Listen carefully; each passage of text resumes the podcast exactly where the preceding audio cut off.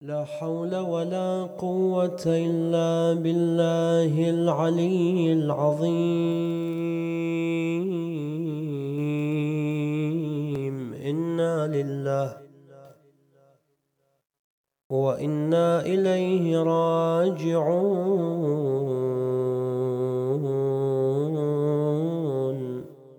وأفوض أمري إلى الله. إن الله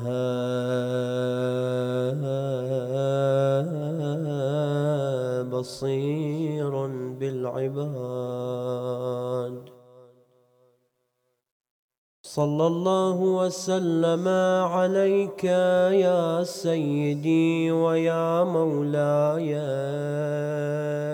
يا رسول الله. وعلى أهل بيتك الطيبين الطاهرين المعصومين المنتجبين. صلى الله وسلم عليك يا سيدي ويا مولاي يا أبا عبد الله. يا رحمة الله الواسعة ويا باب نجاة الأمة وسراج الظلمة وأبا الأئمة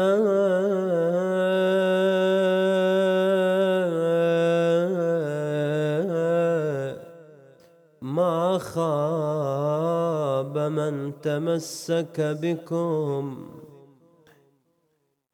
أمنا من لجأ والتجأ إليكم. فيا ليتنا كنا معكم. فنفوز فوزا عظيما.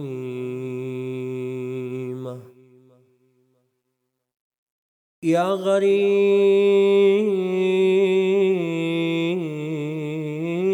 يا مظلوم كربلاء. رسول الحسين ونعم الرسول.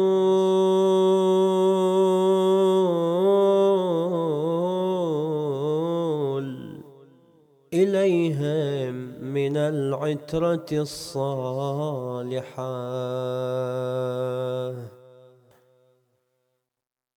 لقد بايعوا رغبة منهم فيا بؤس للبيعة كاشحة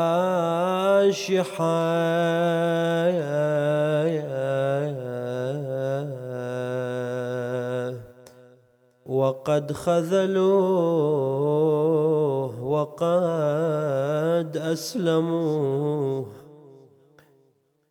وغدرتهم لم تزال واضحة.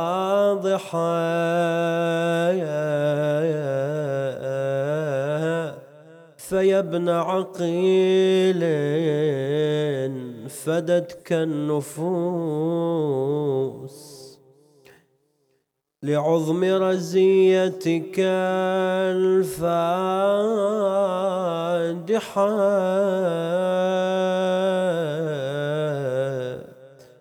لنبكي لها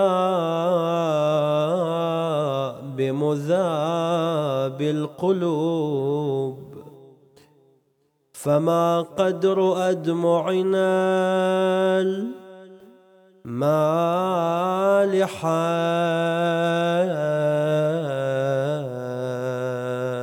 بكت كدما يا ابن عم الحسين. مدامع شيعتك السافحة.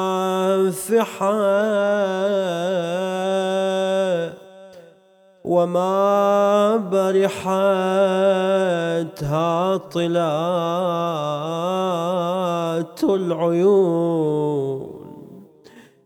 تحييك غادية رائحة لأنك لم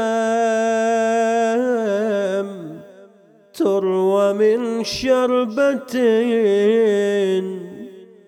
ثناياك فيها غدا طائحة. رماوك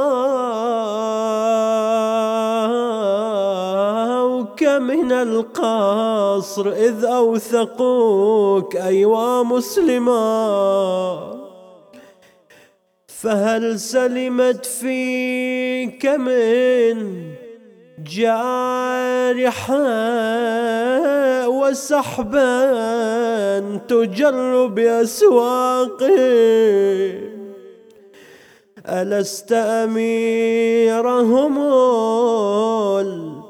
البارحة؟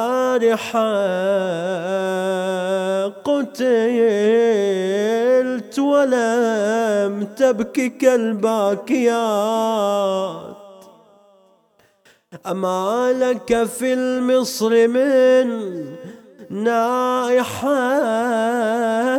وكم طفلة لك قد أعولت وجمرتها في الحشا قادحة يعززها الصبط في حجره. فتغدو في قربه رائحة بمسحاك على راسي. تركت القلب ذايب. هذه يا خالي من علامات المصايب. أني قلبي تروع حيث أبويا بسفر غايب. طول الغيبة يعودها الله بعجل سافر عساه يعود ليا بالسلامة وقعد بحجرة وينشرح صدري بكلامه. شنه سمعت عن والدي؟ حلوة. الجهامة قالها يا بنتي غابت عنك بطية أنا جاني الخبر عن حال مسلم يا حزينة. يقولون من قصر الأمارة ذابينا وبالحبل بالأسواق جسمه يسحبونه. ورأس المشكر راح للطاغي هدية. ولكن المرجع لله ولا عدوان إلا على الظالمين. على ظالمي آل محمد لعنة الله. والملائكة والناس أجمعين. أعوذ بالله من الشيطان الغوي الرجيم. بسم الله الرحمن الرحيم. حتى إذا جاء أحدهم الموت قال رب ارجعون. لعلي أعمل صالحا فيما تركت. كلا إنها كلمة هو قائلها ومن ورائهم برزخ إلى يوم يبعثون آمنا بالله صدق الله مولانا العلي العظيم. سؤال جدلي. يحتاج إلى إجابة وافيه وكافية. وهذا السؤال يقول هل أن خاتمة الإنسان لها علاقة بعمله أم إنها مستقلة ومنفصلة ولا شأن لها بما كان يعمل في حياته. فقد يسأل البعض هذا السؤال بشكل صريح وقد يتراود هذا التساؤل في أذهان البعض دون أن يصرحوا به. شلون؟ إذا كان الإنسان يعمل بما لا يوافق شرع الله عز وجل ومن غير التزام بتعليمات الدين فإنه يتساءل هذا السؤال. أنا حينما أخالف إرادة الله وشريعة الله عز وجل هل سيؤثر ذلك على خاتمتي؟ إليه تأثير علي في النهاية لو لا؟ البعض يجاوب على نفسه يقول لا ما إليه تأثير. أنا خلني أعمل اللي أريد أعمله وأتصرف باللي أريد أتصرفه. دعي الخلق للخالق هو يحاسبهم. وإحنا هذا السؤال نريد نجاوب عليه. نريد أن نفيدك أيها العزيز بأن عملك له علاقة بخاتمتك فلا بد من الاهتمام الدقيق بما تصنع وتعمل. نجيب على هذا السؤال بجوابين. الجواب الأول وهو جواب قراني والجواب الثاني وهو جواب روائي. ثم نستعرض عدة من الأمور التي توجب حسن العاقبة للإنسان. في مقام الجواب من القرآن الكريم نقول هناك قوم أتوا إلى الحساب يوم القيامة. فسألهم الله عز وجل ألم نرسل لكم أنبياء؟ ما جوكم مبشرين؟ ما جوكم منذرين؟ فما كان جوابهم؟ في الآية القرآنية كان جوابهم صريحا. قالوا ربنا غلبت علينا شقوتنا وكنا قوما ضالين. الله يسألهم ألم تكن آياتي تتلى عليكم وكنتم بها تكذبون؟ يا رب شقوتنا غلبت علينا.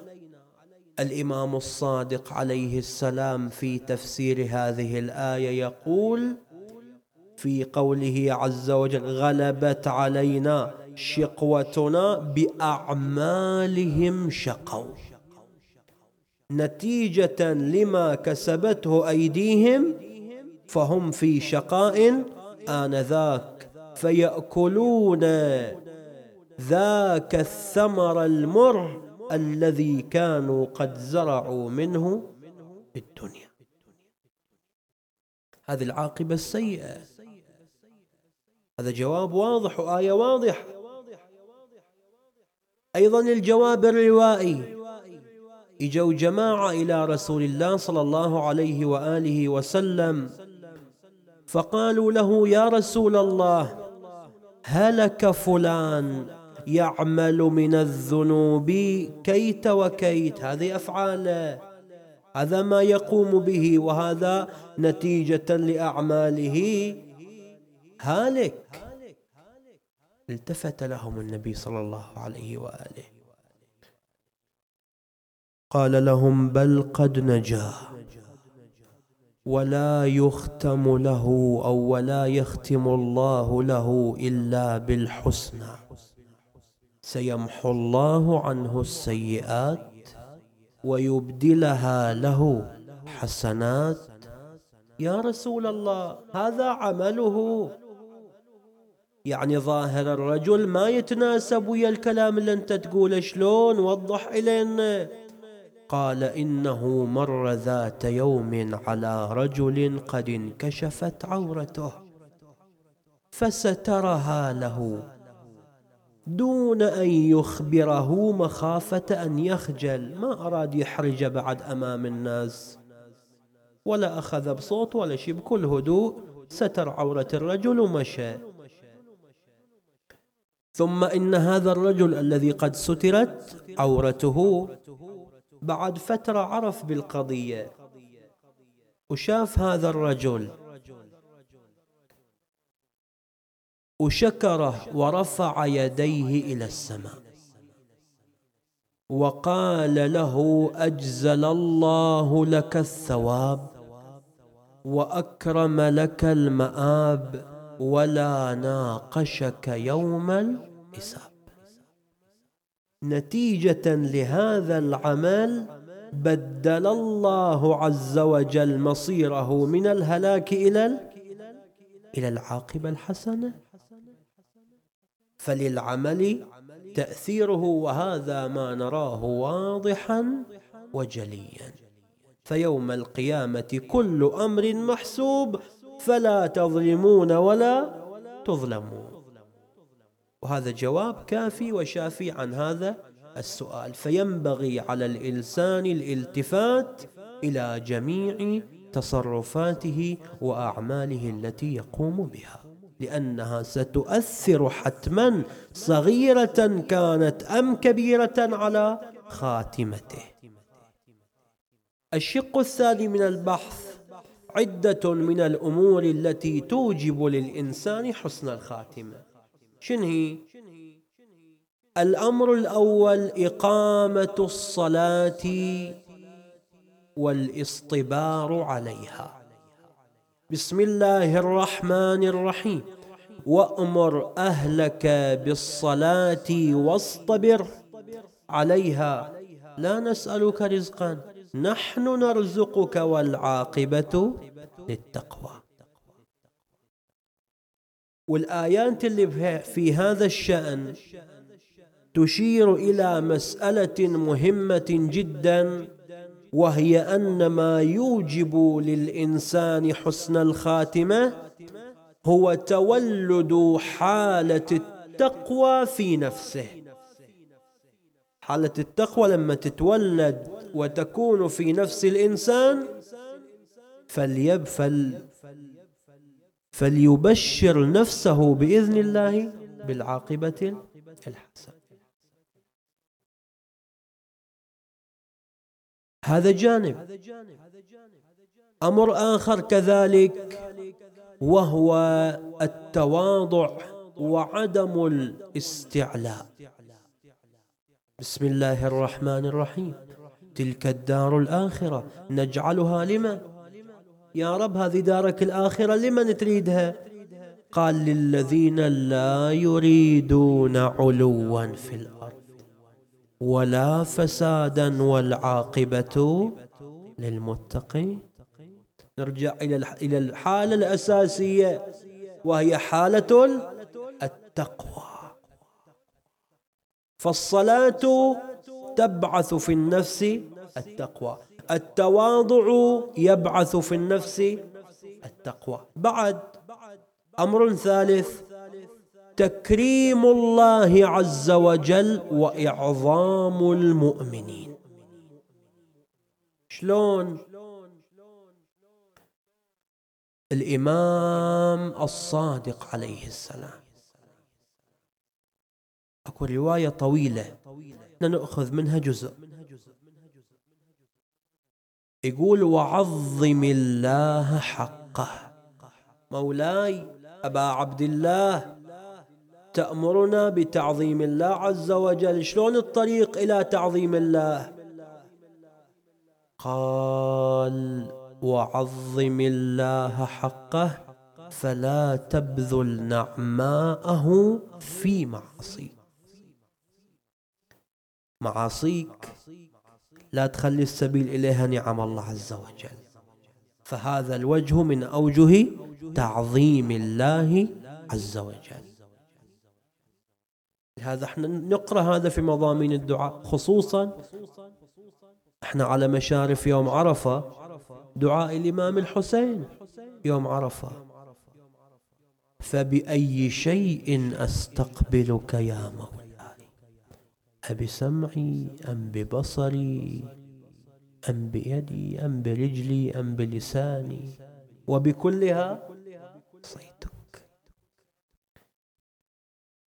فهذا لا يعد خلافا لتعظيم الله عز وجل أن يبذل الإنسان نعم الله في معصيته. وإكرام المؤمنين وأكرم من وجدت وجدته يحبنا. أي واحد يشوفه محب إلى أهل البيت إكرمه قدره احترمه لا تأثر سلبا على مشاعره. لا تسبب إليه أذى مادي أذى نفسي أبدا. وأكرم من وجدته يحبنا أو ينتحل مودتنا. زين مولاي هذا أنا عرف الرجل. بعد ما يحتاج أحد يعرفني عليه. اسمع شو يقول الإمام؟ ثم لا عليك. صادقا كان أو كاذبا. أنت ما عليك. أنت يلزمك احترامه يلزمك إكرامه. ثم لا عليك صادقا كان أم كاذبا. عليك صدقك وعليه كذبه. إذا كان كذبا فهذه الأمور من موجبات حسن حسن العقل تكريم الله وإعظام المؤمن إعظام المؤمنين وعلى رأس كل المؤمنين هم أئمة المؤمنين. تعظيم وإكرام أئمة المؤمنين. هذا من أبرز الطرق التي تؤدي بالإنسان إلى خاتمة يسعد بها في الدار الآخرة. هذا إحنا عندنا في التأريخ النماذج اللي أكرمت أمثال هؤلاء ووقفت صفا أمامها. في خدمتها متشرفة بين يديها مطيعة مستمعة للقول منها. لهذا أرسله مع رسالة إني أرسلت إليكم أخي وابن عمي وثقتي والمفضل عندي من أهل مسلم ابن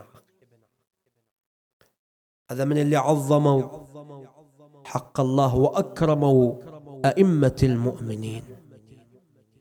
فأعزه الله في الدنيا وأعزه في الآخرة. مو بس في الآخرة إلى اليوم في الدنيا. عاما بعد عام. نذكر مسلم نزور مسلم ننظر إلى مسلم. فتقضى الحوائج بإذن الله عز وجل ببركة هذا الرجل. الذي كانت نفسه يحملها بين كفه أمام الإمام عليه السلام. أرسله الإمام. لكن شنو هالخاتمه العجيبه اللي نالها مسلم؟ أول شهيد في النهضة الحسينية. خاتمة عجيبة غريبة. كانت خاتمة حياته بعمل من أفضل الأعمال وهو زيارة الحسين. شلون؟ تقول الرواية لما صعدوا بمسلم بن عقيل على سطح قصر الأمارة يريدون يقتلونه. وجه وجهه ناحية الحسين. والحسين قد وصل إلى منطقة زرود. وجه وجهه. فنادى السلام عليك يا أبا عبد الله. والله عجيب سلامك يا مسلم. يقول الراوي إحنا ويا الحسين والضعينة قاعدة تمشي واصلة إلى زرود. ولا الحسين قد توقف وقال وعليكم السلام ورحمة الله وبركاته.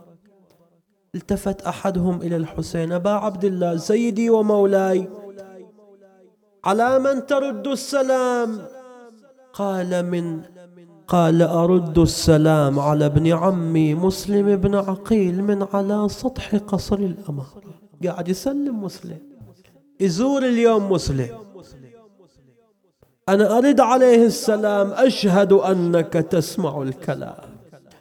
وترد السلام مسلم أراد بذلك أن يوجه رسالة مضمنة بسلامه إلى الحسين عليه السلام. كأنه يريد أن يقول يا أبا عبد الله لقد بقيت وحيدا فريدا. والآن القوم عازمون على قتلي توجه إلى أرض غير هذه الأرض. صعداب مسلم.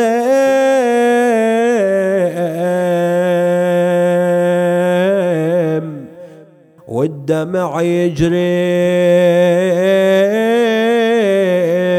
العين وجه بوجهه للحجاز يخاطب حسين. يا حسين أنا مقتول رد لا جوني. خانوا هل الكوفة بعد ما بايعوني وللفاجر ابن زياد كلهم سلموني مفروض وانتو يا هل عني بعيدي. يا ليت الدم الذي يجري على القاع مسفوح بين يديك يا مكسور الأضلاع يا حيف منك ما احتضيت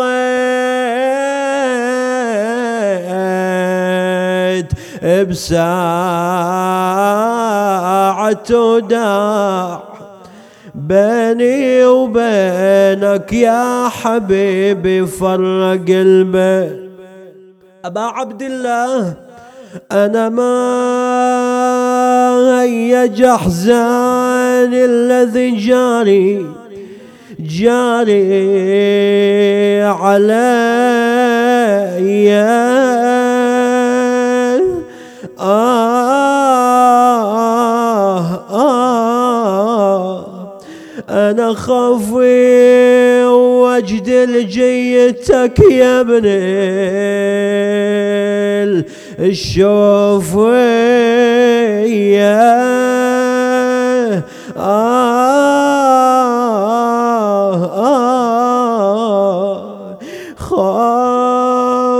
تجي ويصدر عليك الصار الصار بيان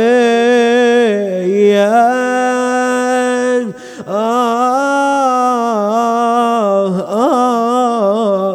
والضيع من بعدك يا ابن عم النساوين. والله والضيع من بعدك يا ابن عم النساوين. آه آه فيا ابن عقيل.